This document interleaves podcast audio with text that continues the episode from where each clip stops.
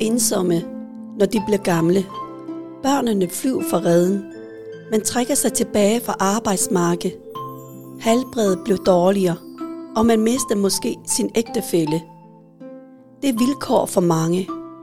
Hvis man så unge købe er begrænset i kultur og sprog, så bliver man endnu mere isoleret. Velkommen til Trivselsagenterne. Mit navn er Jung Le. Jeg har en mor på 69, som blev alene efter at min far døde. Hun var ensom, og jeg følte, at jeg måtte gøre noget for at hjælpe hende. Jeg startede en netværkscafé for vietnamesiske ældre, og fandt ud af, at der var mange som hende. Også fra andre etniske minoritetsgrupper. For at nå ud til flere, laver jeg denne podcast. Jeg uddanner også trivselsagenter, der hjælper med at forebygge ensomhed blandt etniske minoritetsældre. I dag har jeg besøg af en trivselsagent fra Odense. Velkommen, Mumtaz. Tak. Jeg vil lige forklare, hvad en trivselsagent er. Øh, en trivselsagent er en frivillig med to kulturel baggrund, som har gennemført et uddannelsesforløb for at blive klædt på til at etablere fællesskab for ældre etniske minoriteter. Jeg vil lige spørge dig, Mumtaz, hvornår kom du til Danmark, og hvor kommer du fra? Øh, jeg kommer fra Pakistan, starten af 1970. Hvordan ser dit øh, liv ud i dag, og hvor bor du? Jeg bor i Odense, øh, og så jeg bor alene, og har det godt med det. Hvor mange år har du boet alene? Tidligere har jeg boet sammen med min, min, min søn, men 6-7 år siden, så han købte sit eget hus, og så blev jeg alene. Og så tre år siden, så solgte jeg mit eget hus, og så nu bor jeg i lejligheden på Munkebær. Har du nogensinde oplevet at føle dig alene? Jo, alene, det er en ting. Ja, det har jeg. Eller føle dig ensom? Ensom har jeg aldrig følt mig. Fordi Nej. mit liv, det er så fyldt med alt muligt andet, at der har ikke været plads til at være ensom. Nej. Men kender du nogen, der kan opleve, øh, der kan opleve ensomhed? Ja, det, det gør jeg, det gør jeg. Fordi jeg har en større netværk blandt mine egne øh, landskvinder. Og der er, de taler om ensomhed, selvom de har deres ægtefælder, men de kan ikke, øh, hvis de ikke kan kommunikere sammen, og de ikke, ikke kan spare sammen, og ikke har de samme interesser, så kan de godt være ensomme. Hvordan har det været for dig at være ældre i Danmark? Jeg synes, det var dejligt. Jeg har et fantastisk liv. Jeg startede mit praktiske liv her i Danmark, kom som ung pige. Det siger også, det, at jeg har været over 50 år i Danmark. Så jeg synes, jeg har virkelig haft mulighed for at udfolde mig og, og udvikle mig. Alt, hvad jeg kunne tænke mig, og hvad, hvad jeg kunne nå. Så jeg har haft det fantastisk. Måske jeg har ikke haft de, ikke har haft de muligheder som i mit eget hjemland, hvis jeg, hvis jeg var blevet boende der. Så jeg har det fantastiske liv her. Jeg kan huske, du har fortalt omkring din far, hvilken betydning han har haft for dig i forhold til det liv, du har fået i Danmark. Kan du fortælle lidt om det? Ja, han har haft stor betydning på mit liv. Også jeg flyttet hjem fra og bor i Danmark, så han stadigvæk er med i mine tanker hele tiden, så jeg tænker tæt på ham. Hvorfor ja. har han så stor en betydning for dig? Altså, han var min forbillede på mange måder. Han var mere ven, så han havde ikke den store autoritet, som forældre i vores hjemland plejer at have. Uh, han var ligesom min ven. Vi kunne snakke med ham om alt. Især mig, så jeg var virkelig tilknyttet til ham.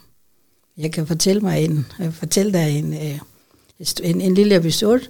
Jeg var teenagepige, og, så, og, og der var en ny film i biografen, som jeg gerne vil sige, og vi har aftalt med vores veninder, at det skal vi se. Jeg kom hjem og fortalte min mor, at jeg vil gerne i biografen i dag med veninderne. Mor sagde, nej, du bliver hjemme og laver din lektier.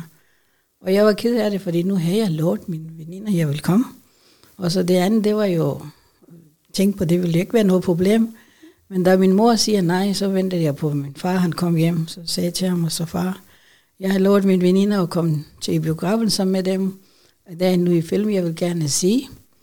Og så siger han, ja, er det meget vigtigt for dig at, at komme til biografen og se den film? Så sagde jeg, ja. Så sagde han, okay, jeg vil overtale din mor til, at du kan komme afsted med en betingelse, at når du kommer hjem, så fortæller du mig, hvad du har lært af den her film.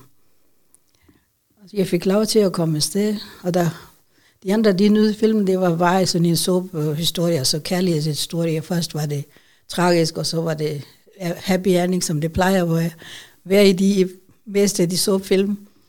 Og jeg har bare klistret mig med til, til skærmen, og så kigget, hvad er det, jeg, jeg lærer af det her. Så jeg har slet ikke nødt den film. Jeg har hele tiden været opmærksom på, hvad er det, jeg skal hjem og fortælle min far, hvad har jeg lært det af. Så det er alene det, jeg tænker, så, og der har været mange episoder af den slags. Det var ligesom en lærestreg for mig. Okay, du får din vilje, men så skal du også lige vise, hvad, hvad du har lært af det her. Ja, ja. Så man kan sige, at han lytter både til dit behov, men også udfordrer dig, ikke? Ja. ja. Øh, altså, jeg, jeg kan huske, du også fortalte mig, at han også har den betydning, det her med, at han har givet dig en uddannelse ja. som medgift. Ja. Kan du fortælle lidt om det? Ja, det var igen, altså fordi min mor, hun var jo, hun var, hun, hun var aldrig gået i skole. Og min far, han var en dansk mand, han var militærmand, så han har set verden udefra os. Og man, øh, min mor, altså vi gik i skole, og mor var med til, hun sendte os i skole og alt det her. Men hver gang hun kom, tog hjem til landsbyen for at besøge familien, og kom hjem, og så tog hun vores bøger fra os, ikke kun mig, for andre sø- søstre også, at øh, I skal ikke gå i skole mere. Og jeg stridede i mor, hvorfor skulle jeg ikke det? Jamen, øh, de siger altså i landsbyen, at øh, I, I bliver udlagt. Fordi de piger, der går i skole, de bliver udlagt, og jeg skulle hellere samle jeres smergift. Det, det bliver hun påvirket af de andre kvinder, og derfor jeg måtte gå i skole. Men der kom min far til undsætning igen. Så den medgift, min piger skal have med, det er deres uddannelse. Og det er det, de skal have med. Og det var en virkelig god ting, som har virket, påvirket mit liv hele, hele tiden, hele vejen igennem. Hvordan har det påvirket dit liv? Hvilken betydning har det haft øh, for dit liv her i Danmark? Altså det er betydning, fordi jeg har jo, det, jeg kom til en helt fremmed land, og selvfølgelig, jeg kunne ikke dansk sprog, men jeg har engelsk i forvejen. Altså jeg kunne jo engelsk, fordi jeg, netop fordi jeg har gået i skole. Og, i det, og dengang, vi var jo under engelske her, så vi var lige blevet befriet. India og Pakistan, de blev befriet i 1947. Og, og dengang skolesystemet, det var det samme som engelsk. Så engelsk sprog, det var obligatorisk for første klasse, ja, som ikke mere desværre. Men øh, jeg var virkelig skarp til det sprog, så det kom virkelig meget til gode i Danmark, at øh, jeg, jeg fangede meget hurtigt dansk sprog også. Så alene sprog, den har været en stor påvirkning på mig. Det tænker jeg helt sikkert, fordi at når vi taler om ensomhed blandt etnisk minoritets ældre, så handler det jo tit om, at de er begrænset kulturelt, men også sprogligt. Sprog. Sprog, så jeg det... tænker, ja, jeg tænker, at det måske har givet dig et øh, godt ståsted ja. i forhold til at kunne klare dig i Danmark, og også ikke blev ramt af ensomhed på samme måde. Nej, fordi jeg var i stand til at tale med folk lige for det i dag. Lige præcis. Og jeg synes, at altså, man er meget fattig hvis man ikke kan sprog, når, når man kommer til en fremmed land. Hvorfor er du blevet til så? Ja, det er fordi, jeg har jo været frivillig hele mit liv, lige siden jeg kom til Danmark. Altså, øhm, bevidst eller ubevidst. Jeg har lavet mange ting for at hjælpe folk. Altså den her selve trivelsesagent, det var nysgerrighed, ren nysgerrighed, fordi jeg sagde, hvad, hvad, hvad kan jeg tage for ud af det her kursus, og så jeg kan jo alt det her. Men jeg ser jeg alligevel til at kunne være med, og så det var ligesom, var interessant, og sådan nogle undervisere som Jung Lee, det var, det var simpelthen godt, det var øjenåbner for mig, der er alligevel sådan nogle ting, som jeg har lært af, af det her kursus, som jeg kunne bruge som værktøj i, netop til det her projekt, som vi er i gang med. Hvad har du taget med derfra? For uddannelsen? Ja. Det er jo også, fordi der er mangfoldighed, og så også, det, de, fordi der var jo mange paralleller mellem forskellige kulturer, øh, og som, som gav mig også indblik i, øh, for at arbejde med. Mumtaz, hvorfor mener du, at der er et behov for fællesskaber for ældre etniske minoriteter? Det er, fordi jeg føler, at øh, de har ikke haft de samme muligheder som forudsætninger, som jeg har haft, øh, for at have en fællesskab, og så være en del af fællesskab. Så det, det synes jeg, det er vigtigt, især når man bliver ældre, og børnene er fløjen væk fra redden, så sidder de alene hjemme. Og mange af dem er netop også derfor ens, føler sig ensom, fordi de har ikke nogen til at spare med eller tale med nogen. Og, og så, så er det en virkelig øh, en plus, at de kan komme ud blandt lige sin, og lige øh, altså ældremæssigt, sætte sammen øh, kvinder eller folk blandt, at man kan ligesom snakke om, fordi mere eller mindre, vi har jo fælles ting. Vi kan tale om børnene, og vi kan tale om vores tidligere arbejdsliv også. Så der er mange ting, som vi kan spare med hinanden, i stedet for at sætte alene hjem og ikke kan noget. Ja, lige præcis.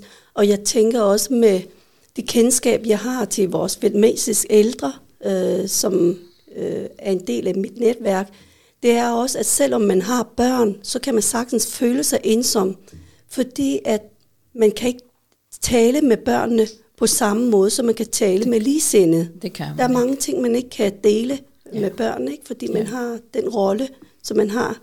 Det, det, det er rigtigt, fordi vi kan jo ikke tale om vores tidligere liv, for eksempel, altså sammen med vores unge dage. Det er præcis. det, det kan vi bare spare med vores uh, ligesinde, eller lige, uh, altså, som er på lige fod med os, og så er det kvinder blandt, uh, blandt os. Og der er mange andre ting, som vi kan snakke om vores liv i vores hjemland, og også nogle episoder, som vi kvinder er så forskellige, de har oplevet på arbejdspladserne, og der, der kan vi lave, lave grin, altså grine af det i dag, fordi dengang var det jo alvorligt, men i dag kan vi jo tænke tilbage og snakke om tingene, og så nyde det. Ja, lige præcis. Så, ja. Og det frisket op. Ja, ja.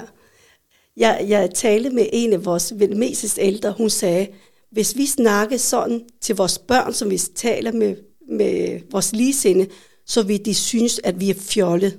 Og, de, og vi vil ikke opretholde det her respekt mellem mor og børn, for eksempel. Så det er også det, der gør, at nogle gange, så kan det ikke øh, lave sjov på samme måde. Det, det er rigtigt. Altså, jeg, jeg er lidt anderledes, fordi mine børn, de laver grin med mig. Jeg ser mine børnebørn. Altså, der, der er ikke nogen problemer, men mange af dem, altså selvfølgelig, man kan ikke tale om alt. Så, så, så er det jo vigtigt, at, at det vi lige er samlet og taler om tingene, som vi ikke kan spare med vores børn. Ja. ja. Jeg synes, det er en gave, at øh, vi i Trivselskendte holdet har dig, øh, som både er blandt målgruppe, men også har det her ekstra ressource til at kunne give en hjælpende hånd til andre, som ikke har samme forudsætninger. Og det kommer jo ikke ud af ingenting. Jeg ved, at du har blandt andet haft øh, ildsjælpris i Beskæftigelsesministeriet. Jamen, er det jeg, korrekt? Jeg, jeg har været meget heldig og privilegeret, hvad det angår i forhold til mange andre. Jeg, jeg har fået øh, ildsjælpris netop på grund af mit frivillige arbejde i forskellige aktiviteter, blandt andet. Altså, jeg har været forældrerollemodel, og jeg har været øh, frivillig i Dansk Flygtningehjælp, blandt andet også øh, en, en hel del år.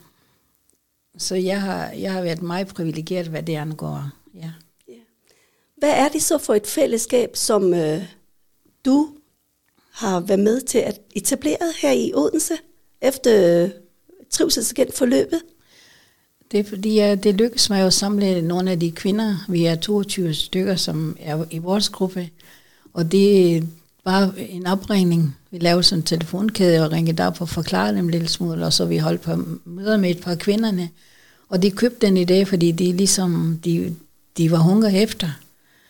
Øh, de synes det var en god idé, så de kom. Ikke fordi det var nyt for, for mig at, at samle de kvinder sammen. Altså jeg har, har været med til at starte øh, pakistanske kvindeforening, og tidligere har jeg også øh, været med til at starte en international kvindeforening i Odense. Så det var ikke noget nyt for mig, og kvinderne de kom også til den tidligere forening, men der var sådan en blanding, der var, der var spredt aldersgruppe. Der var både unge piger og unge kvinder og kvinder med min jævnalderen. Så der var meget forskellige, så vi har ikke haft den samme interesse og samme fællesskab. Så det er derfor, det var vigtigt, øh, og de kvinder, de købte også i det, at øh, der var kun vores aldersgruppe, der var med, at vi kun øh, plejede vores interesser. Og det er derfor, de, de, var, de var med fra starten af. Og de Var er glade for at være der. Ja, var det svært for dig at samle dem? Nej, det var ikke svært for mig, fordi det, det var, fordi jeg kendte dem i forvejen. Det er også en fordel. Altså hvis man kender den målgruppe, eller hvis man kender de kvinder, som man kan, øh, man kan få øje på, så den og den, den kan være med, så, så er det det. Så du kan ikke kende nogen fra gaden, så du skal kunne kende dem i forvejen for at være med til Ja. det her.